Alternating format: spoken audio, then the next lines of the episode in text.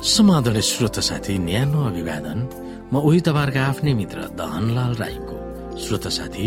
आज म तपाईँको बीचमा बाइबल सन्देश लिएर आएको छु। आजको बाइबल सन्देशको शीर्षक रहेको छ अस्त व्यस्त वा भ्रमको चपेटामा परेको सहरको उपसंहार।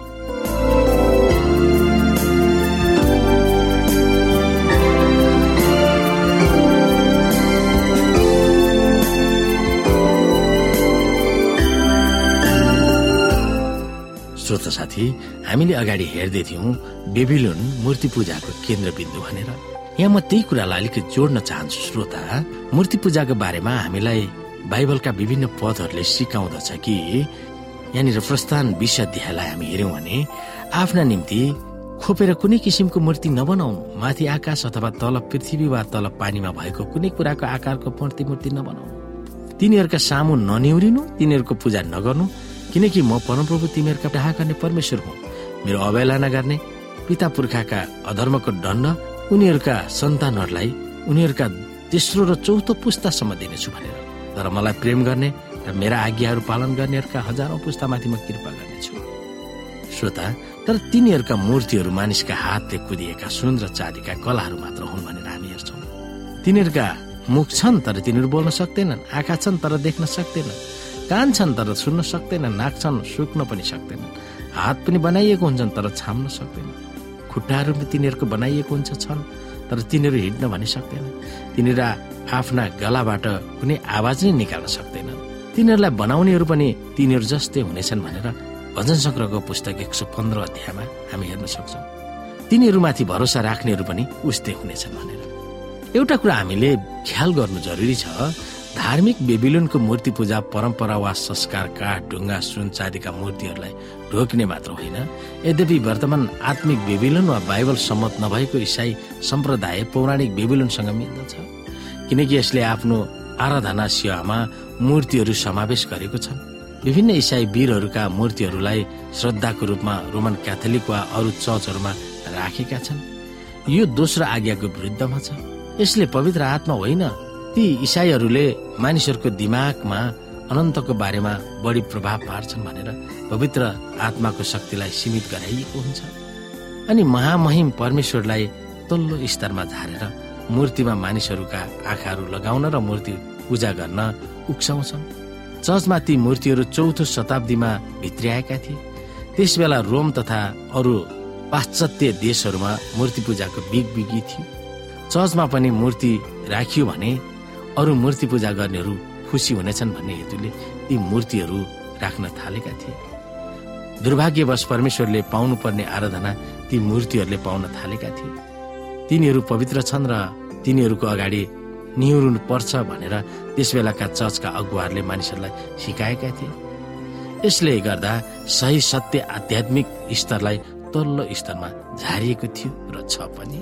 श्रोता प्रकाश चौधमा उल्लेखित गरिएको बेबिलोनको पतनको बारेमा गरिएको घोषणाको सन्देश धार्मिक संरचनालाई सम्बोधन गर्नै पर्छ। त्यो संरचना एक फेर शुद्ध र केवल बाइबल सम्मत मात्र थियो पछि गएर चर्चमै बाहिरको धर्महरूको तत्व मिसाउँदा त्यो संरचना अशुद्ध भ्रष्ट र विश्वादी पनि हुन गएको थियो। इन्साफको चेतना पनि पछि यो सन्देश दिएकोले पृथ्वीको अन्तमा रहनेहरूलाई यो सन्देश सुनाउनै पर्छ। यो केवल रोमन क्याथोलिक चर्चलाई मात्र सम्बोधन गर्न मिल्दैन। इन्साफको चेतावनी पछि यो सन्देश दिएकोले पृथ्वीको अन्तमा रहनेहरूलाई यो सन्देश सुनाउनै पर्छ। यो केवल रोमन क्याथोलिक चर्चलाई मात्र सम्बोधन गर्न मिल्दैन। त्यो चर्च त शताब्दी पहिलेदेखि नै पतित भइसकेको थियो। राजा नबुक धनेश्वरले सुनको मूर्ति स्थापना गरेर सबैले त्यसको पूजा गर्नुभन्दा तीन यहुदीहरूले नमान्दा तिनीहरूलाई आगोमा भुट्न लगाएको थियो। त्यो पौराणिक बेबिलोनको सत्य कथा मात्र होइन पतित आध्यात्मिक बेबिलोनको चिन्ह प्रतीक वा नमुना हो। युगको अन्तमा त्यस आध्यात्मिक बेबिलोनले देश देशका सरकारहरूसँग मिलेर झुटो प्रतिमालाई पूजा गर्न अध्यादेश जारी गर्नेछ। यो रोचक छ कि जुन तत्वले ती तीन हिब्रूहरूलाई दोस्रो आज्ञालाई उल्लङ्घन गर्न जबरजस्ती गरेको थियो। पछि गएर दोस्रो आज्ञा मात्र होइन अर्को आज्ञा वा समय र व्यवस्थालाई पनि कुल्चिन प्रयास गरिनेछ र कुल्चिने नै छ भनेर देखाइएको छ।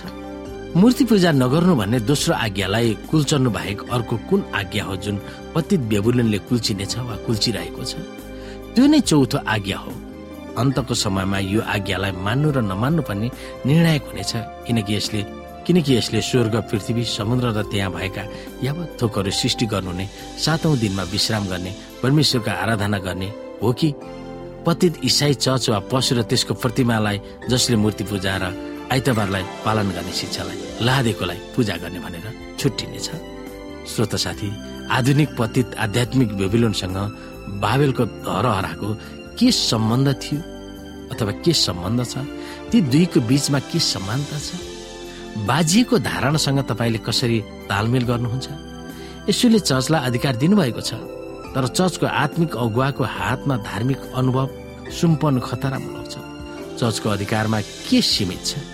पौराणिक र आधुनिक पतित बेबिलोनका पापहरू केवल मूर्ति वा प्रतिमाहरूलाई मात्र ढोक्नु होइन भनेर हामीले सिक्न सक्छौँ।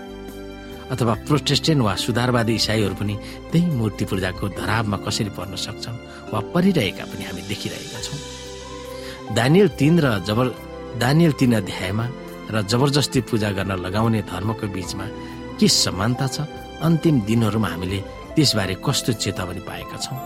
हामी हेर्न सक्छौँ बुझ्न सक्छौँ कि दानियलको तीन अध्यायमा जुन नबुक्दनेश्वर राजाले सुनको मूर्ति बनाएर सबैलाई ढोक्न बाध्य बनाइएको थियो। र जसले ढोक्दैन उनीहरूलाई सिंहको खोरमा फालिएको कुराहरू हामीले अघिल्ला पाठहरूमा हेऱ्यौँ।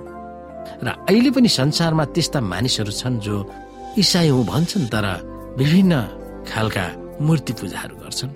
ती कुराहरूले हामीलाई बाध्य पनि बनाउन सक्छ। यस विषयमा हामी होसियारी अप्नाउन सक्छौँ।